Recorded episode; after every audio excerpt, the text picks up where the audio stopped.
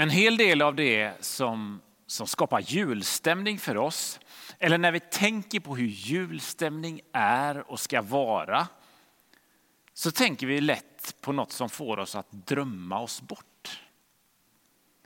Vi tänder ljus för att det skapar stämning.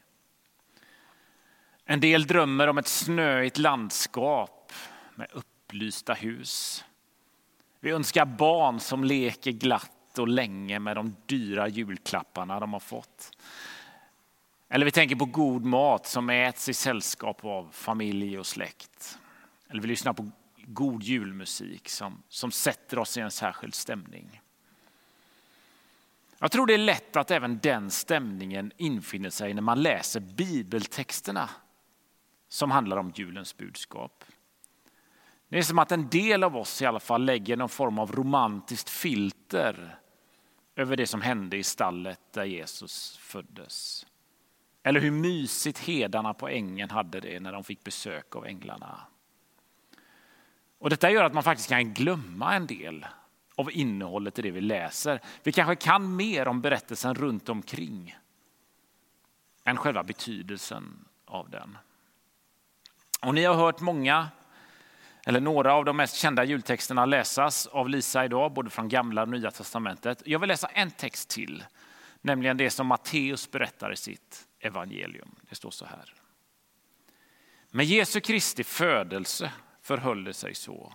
Hans mor Maria hade blivit trolovad med Josef, men innan de hade börjat leva tillsammans visade det sig att hon var havande genom helig ande.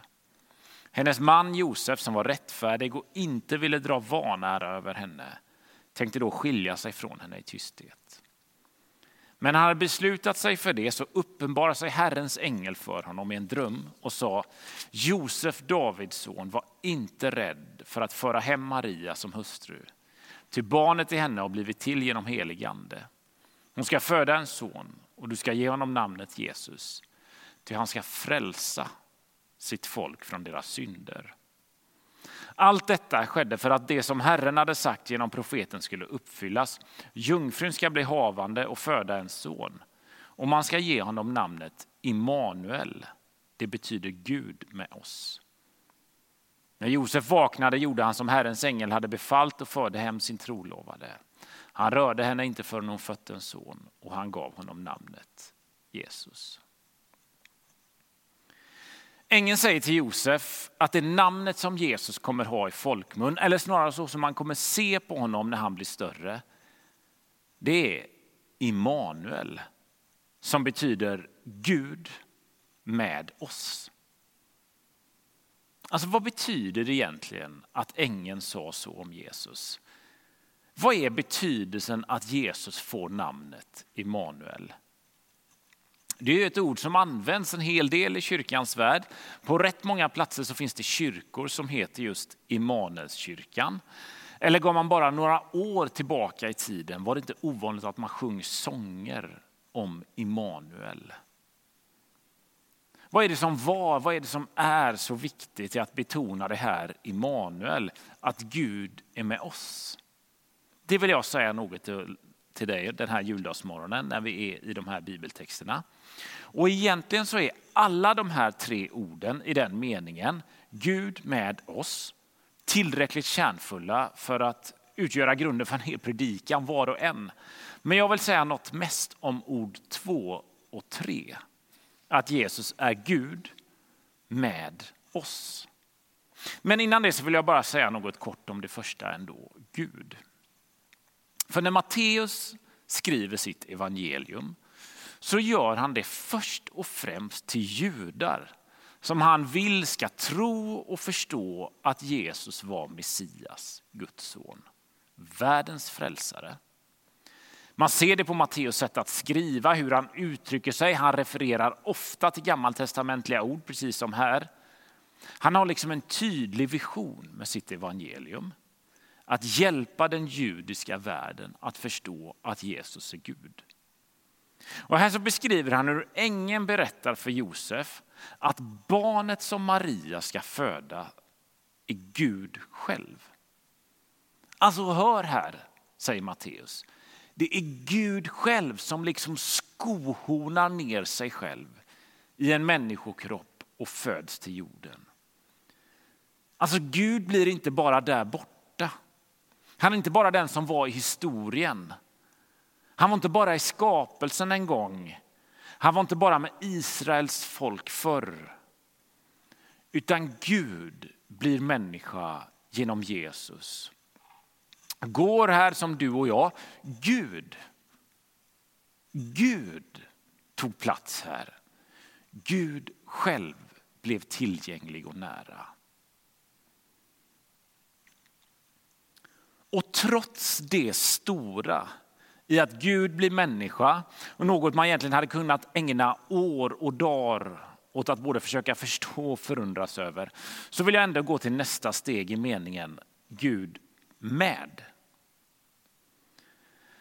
För fram till den dagen som Jesus öppnar sina ögon för första gången på jorden så har Guds fysiska uppenbarelse faktiskt alltid varit ganska skrämmande.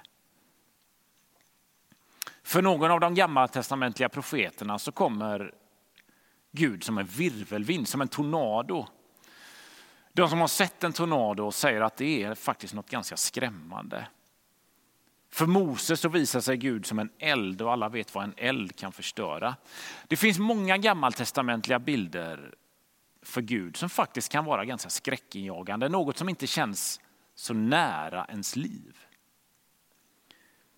Men genom julens berättelser och genom att Jesus föds i stallet i Betlehem så är inte Gud längre bara Gud.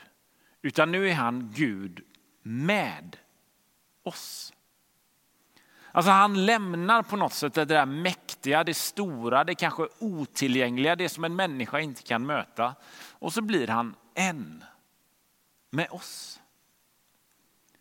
Tidigare så var han tornadon, han var den brinnande busken. Nu blir han bebisen. Ni som har haft nyfödda och små barn i er närhet.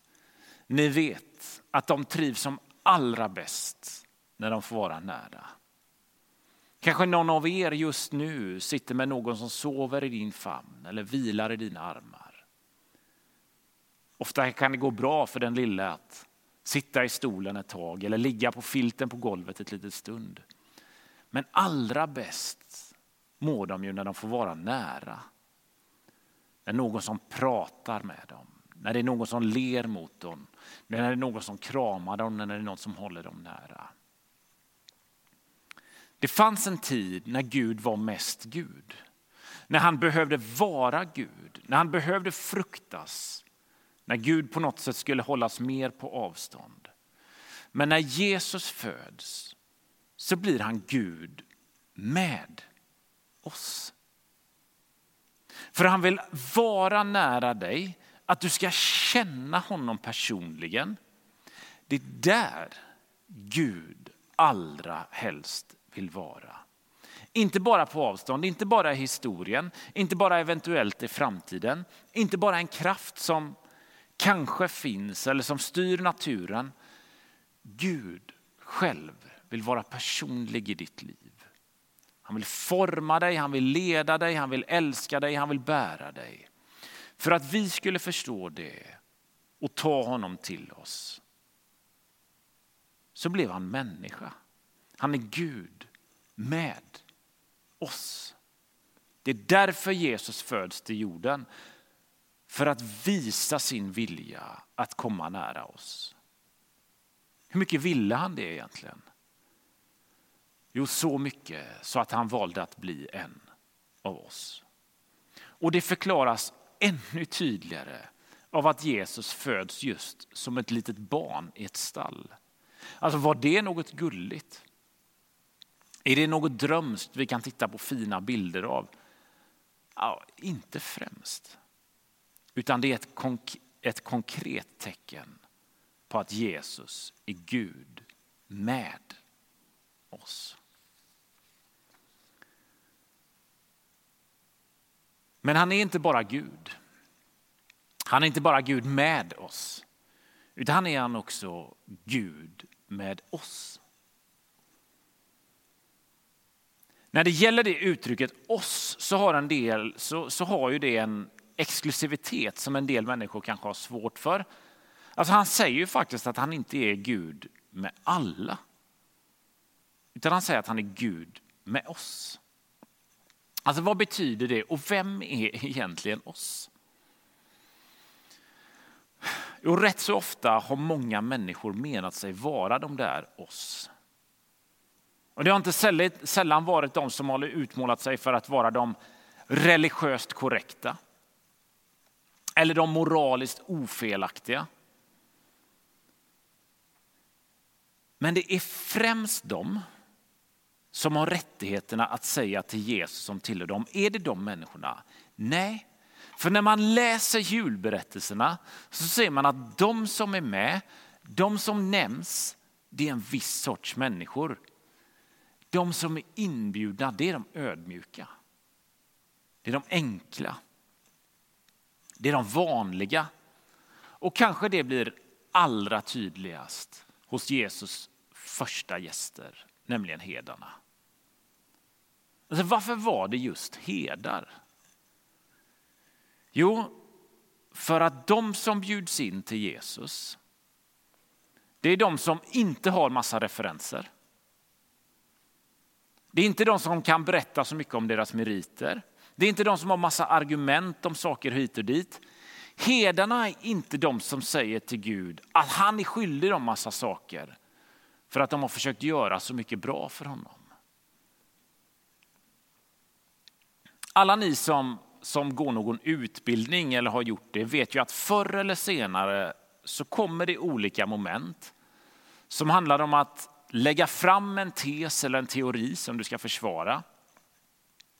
Och som någon annan i sin tur ska opponera på, ställa frågor om hur du har tänkt. Och du behöver liksom motivera det du har kommit fram till.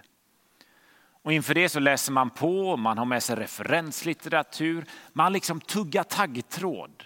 Man peppar sig själv för att kunna sticka hål på alla de där frågetecknen som opponenterna eller andra har angående vad man har kommit fram till. Ibland så tänker en del av oss att vi måste komma så väl förberedda inför himlens Gud. Vi ska kunna försvara allt vi har gjort och sagt. Vi ska liksom kunna ha en god motivering till vårt agerande i livet. Vi ska minsann visa på att vi har handlat rätt. Inte ens Gud själv ska kunna invända mot det. Men sanningen är ju den att kommer vi på det sättet till Gud så kommer han också visa bort oss. Varför det? Jo, för så här är det. Till Gud kan människor komma som inte har några referenser. Som inte hävdar att Gud är skyldig dem massa saker för att de har varit så duktiga. För att de har gett pengar till kyrkan. För att de har varit så ansvarsfulla eller för att de har liksom tagit så stor roll eller ansvar. Utan vad Gud vill möta det är människor som hävdar att de faktiskt inte förtjänar någonting. Som har hedens hjärta, som har hedens inställning. Som lever sitt liv för att ta hand om fåren som de också har fått till sig. Gud längtar efter att du och jag ska vara människor som inser att Gud egentligen inte har någon annan anledning att ta emot oss. Om det nu inte hade varit för att han faktiskt älskar oss. Det är någonting som också blir fullt ut förklarat och manifesterat i vad Jesus gör dryga 30 år efter hans födelse, nämligen när han lider och dör på korset för varje människas skull. Vi behöver ännu mer förstå att när det gäller Gud så behöver vi ingenting. Men vi kopplar liksom inte alltid ihop detta. Vi kommer med våra famnar fulla av saker. Vi tycker att Gud borde göra saker för oss. Vi tycker att han borde ta emot oss för att vi har haft tuffa liv, för att vi har gjort bra saker, för att vi är duktiga. Men hör igen. Oss. Det är de som är som hedarna. De vanliga, de enkla, de ödmjuka. Och den som hedarna går till Betlehem för att hälsa på, Jesus själv, han är Gud. Han är Gud med oss och han är Gud med oss.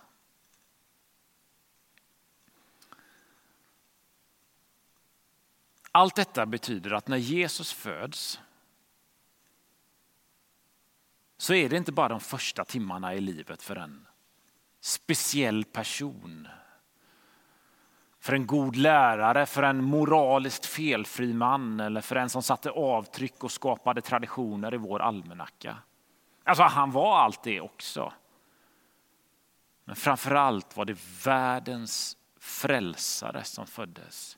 Vi hörde det i sången i början. Oss är en frälsare född. Jag hörde en berättelse om en sångerska som i sin tur beundrade en annan sångerska som var känd och som var berömd. Och varje gång den här berömda och stora sångerskan var och sjöng någonstans så var den där första sångerskan där och lyssnade. Hon kunde alla hennes sånger. Hon visste i princip allt om henne. Man kan säga att hon på ett sätt fanns i kretsen i närheten av henne. Många gånger så tänkte den här första sångerskan att hon ska liksom ta sig fram till den där kända sångerskan för att träffa henne, för att lära känna henne. Men varje gång drog hon sig ur. Hon hade möjligheten, men hon tog aldrig chansen. Och anledningen till det, det var att hon absolut inte ville att det skulle komma ut att hon också var sångerska. Så att den här kända sångerskan skulle be henne sjunga någonting för henne eller tillsammans med henne. Så nära vågade hon aldrig komma. Hon fanns i närheten men kom aldrig riktigt nära. Det är ganska stor skillnad på det där. Och det kanske finns rätt många som den här julen och alla andra jular också kanske. Eller kanske en del av livet faktiskt har förhållit sig ungefär så till Gud. Ungefär som sångerskan gjorde med den där kända sångerskan. Man har funnits i hennes närhet, man vet mycket om henne. Men man har aldrig kommit nära. Aldrig lärt känna henne ordentligt. Om du har haft det så med Gud ett tag kanske du ska våga låta honom komma nära. Låta honom vara Gud med. Se att han vill leda dig, att han vill forma ditt liv, att han vill älska dig, att han vill bära dig och att han vill vara din frälsare. Kom med ett ödmjukt hjärta, med en tom famn, så kommer du förstå att barnet i krubban är Gud med oss. Vi ber tillsammans. Herre, tack för att det är de orden som får ringa i våra hjärtan, i våra liv och i vår tid. Du är Gud med oss. Ja, du har berättat berättelser som har satt sig i retoriken världen över. Många av oss har fått namn som kommer från dina följare. Vår tideräkning utgår från dig. Veckans dagar utgår från din uppståndelse. Men först och främst så vill du ändå vara Gud med oss. Du finns med oss, du föddes till den här jorden för att visa att jag inte är guden som är långt borta. Jag är den som kliver in i skapelsen i jorden. Mitt bland människor och går där. Och så är du Gud med oss. Inte bara med alla andra eller förr i tiden eller någon annan tidpunkt. Utan du är Gud med oss. Och jag ber för den eller de av oss som kanske har haft dig på lite nära håll. Vi kanske känner någon som går i kyrkan, vi kanske vet lite om dig, vi kanske har hört om dig. Gud hjälp oss att komma som hedarna, enkla och vanliga. Utan massa referenser och skryt och hänvisningar hit och dit. Vi får komma med ett enkelt hjärta så att du också kan få vara Gud med just oss. Amen.